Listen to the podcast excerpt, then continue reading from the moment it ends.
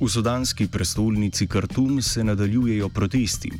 Pred ministrstvom za izobraževanje je policija sozivcem razgnala več sto glavo množico učiteljev, ki je tam protestirala. Učitelji so se na protestu zbrali zaradi smrti svojega poklicnega kolega Ahmeda Al-Keira, sicer člana stranke Islamskega ljudskega kongresa ali krajše CPC oziroma PCP.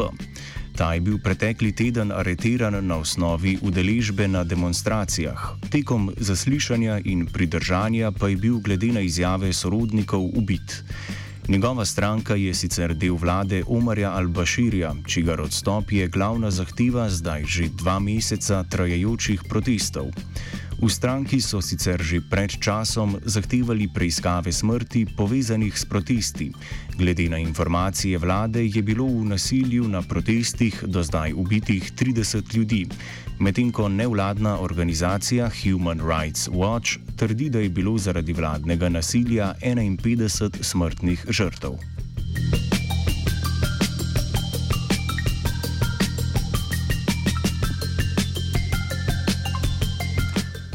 Protesti v Sudanu zdaj potekajo že od decembra, ko je vlada med drugim ukinila tudi subvencije za kruh, kar je vodilo v višje cene dobrin.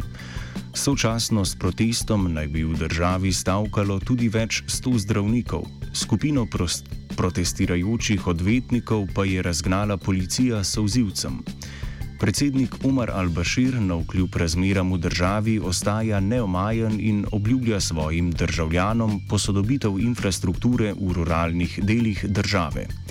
Oblast je prevzel z državnim udarom leta 1989 in bil na to na mesto predsednika trikrat izvoljen, če tudi volitvam očitajo malverzacije.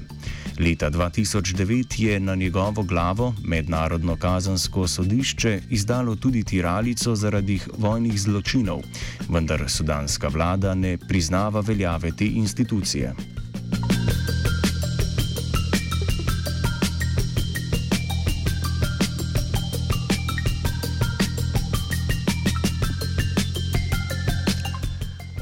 Moskvi se nadaljujejo v torek začeti pogovori med talibansko delegacijo in skupino afganistanskih politikov in pomembnežev, v katero je med drugim vključen tudi nekdani predsednik Hamid Karzai. Srečanje organizira Združenje afganistanske diaspore v Rusiji z namenom končanja spopadov v državi. Pogovori pa naj bi tekli okoli vzpostavitve začasne vlade, oblikovanja nove ustave in spoštovanja pravic žensk. Vprašanje je, koliko so lahko pogovori v Moskvi uspešni, saj se predstavniki afganistanske vlade srečanja niso udeležili. Vendar pa moskovsko srečanje predstavlja prvi dogodek, na katerem so za skupno mizo sedeli tako talibani kot visoki predstavniki afganistanske politike, čeprav le ti niso del aktualne vlade. Predsedniški kabinet Ašrafa Ganija je pogovore označil kot poskus opozicije za pridobitev več politične moči. Srečanje v Moskvi pa tudi ni omililo vojaških napadov talibanov. Tekom pogovorov je namreč v dveh napadih na vojašnico in kontrolno točko v provincah Kunduz in Baglan umrlo 9 oziroma se upravičujem 47 pripadnikov afganistanskih varnostnih sil, v ponedeljek pa se je skupina talibanov spopadla s provladno milico na severu province Samangan.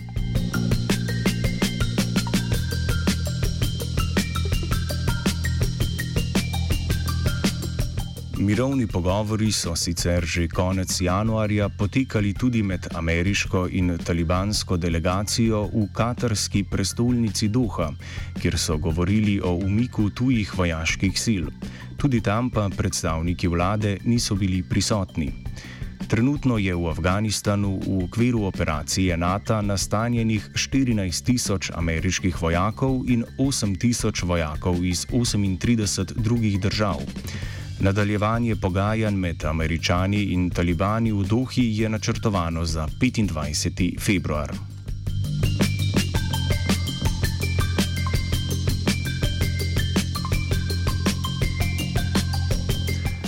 V Bruslju je 29 veleposlanikov držav članic NATO podpisalo protokol za začetek pristopnega procesa Makedonije k Severnoatlantskem vojaškem zavezništvu. Grška blokada pristopa Makedonije k vojaški zvezi se je končala pretekli mesec, ko je grški parlament potrdil dogovor med državama o spremembi imena Makedonije v Severno Makedonijo. Spomnimo, da je tudi socialdemokratska vlada Zorana Zajeva referendum o spremembi imena vezala na vprašanje o podpori priključitve NATO in Evropski uniji. Ratifikacijski proces do polnega članstva Severne Makedonije v zavezništvo bo po ocenah trajal vsaj leto dni.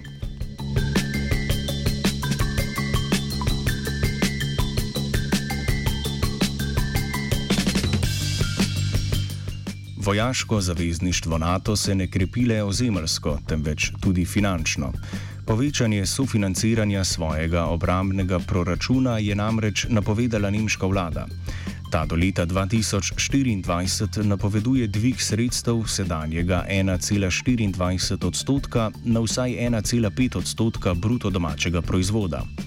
Dvig sredstev je del nemškega desetletnega načrta za povečanje deleža proračuna, namenjenega za obrambo in vojsko. Ta namreč predvideva povečanje porabe sredstev z 33 na 60 milijard evrov do leta 2024. Daleč največ sredstev za obrambo med članicami NATO še vedno porabijo Združene države Amerike. Leta 2017 je ameriški obrambni proračun imel na voljo 618 milijard evrov, kar predstavlja 3,6 milijard bruto domačega proizvoda ZDA.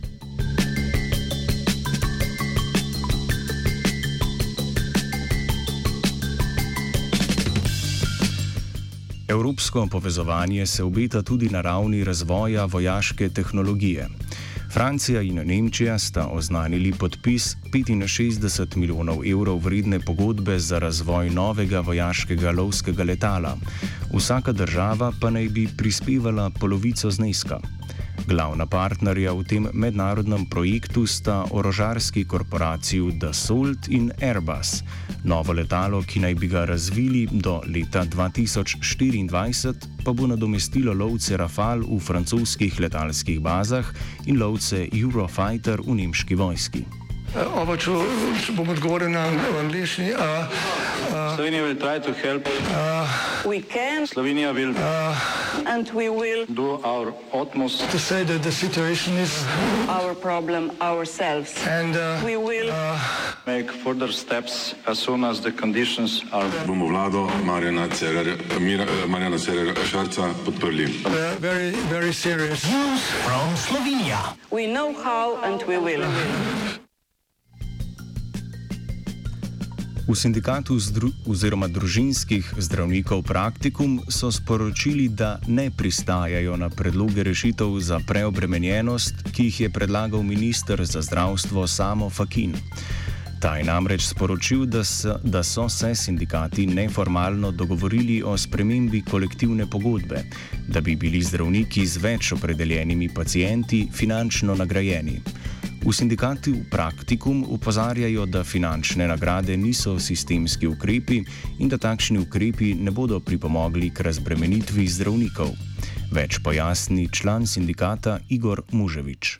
Gre dejansko za nepremišljen predlog, ker na ta način bi v bistvu ministr nagrajeval bolj površno, manj kakovostno delo z bolniki. To bi pomenilo, da bolj kot za tekočim trakom delaš, več dobiš denarja, ampak to v praksi pomeni tudi več napotitev, manj zdravja za ljudi. Tako da mi nasprotujemo takšnemu predlogu. Enkrat, ko bomo lahko delali po normativih, ko bo dovolj zdravnikov, se lahko kvečemo nagrajuje na rezultate zdravljenja. Tisti, ki bolje zdravi, lahko več dobi. Ampak to je zadeva, ki nima zveze z akutno, akutnim reševanjem problematike pomankanja zdravnikov. Naši predlogi so takšni, kot jih poznajo v razvitem svetu. Prva stvar je potrebno spoštovati zakon in začeti financirati ambulante skladno s strokovnimi normativi. Ker trenutna situacija je taka, da zdravstveni domovi nočejo zaposliti dodatnih zdravnikov, oziroma niti nimajo denarja, da bi jih zaposlili.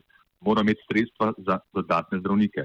Druga, mladim ni dovolj privlačna družinska medicina, zato je potrebno dejansko razbremeniti obstoječe zdravnike.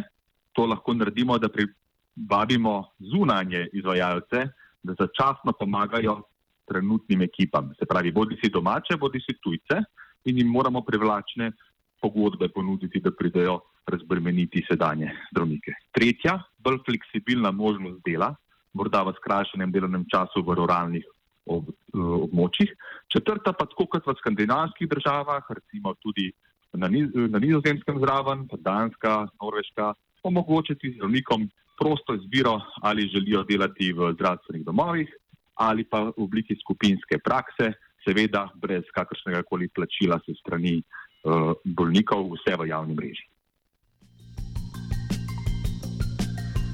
Prav tako sporočilo ministra Fakina povsem izpušča delo zdravniških sester. Na ignoranco vloge zdravniških sester v zdravstvu strani oblasti so z javnim pismom opozorili tudi v sindikatu delavcev v zdravstveni negi.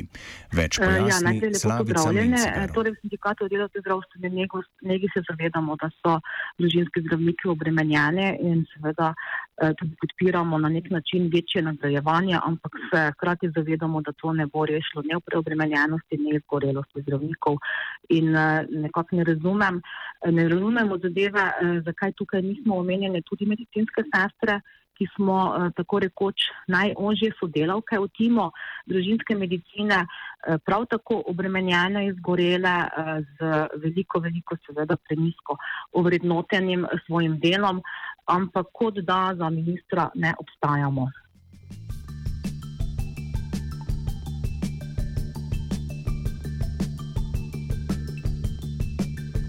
Vendar pa nerazumevanje ne prihaja zgolj iz ministrstva, temveč tudi od sindikalnih skupin, saj med sindikati delavcev v zdravstveni negi in zdravniki ni nobenega dialoga.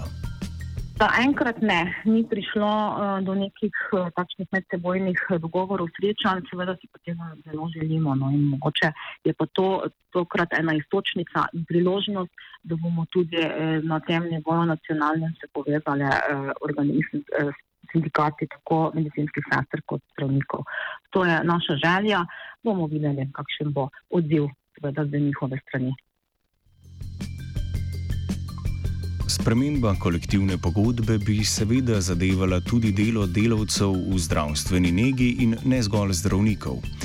Zato tudi v sindikatu Praktikum upajo na možno sodelovanje med pogajanji o možnih spremembah na področju družinske medicine.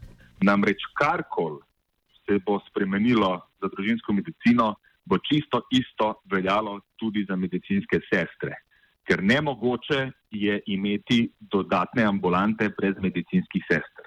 To ni možno. In tako da, ko se bo sprejemalo ukrepe, upamo, da se bo, bojo avtomatično popolnoma enaki ukrepi veljali tudi za, ses, za medicinske sestre. Tako da jaz upam, da tudi medicinske sestre z podobnimi argumenti nastopajo eh, vizavi ministrstva in vlade in imajo posebno našo podporo Absolutno bi pa bilo lepo, da se tudi dobimo in enkrat skupaj nastopimo pred javnostjo.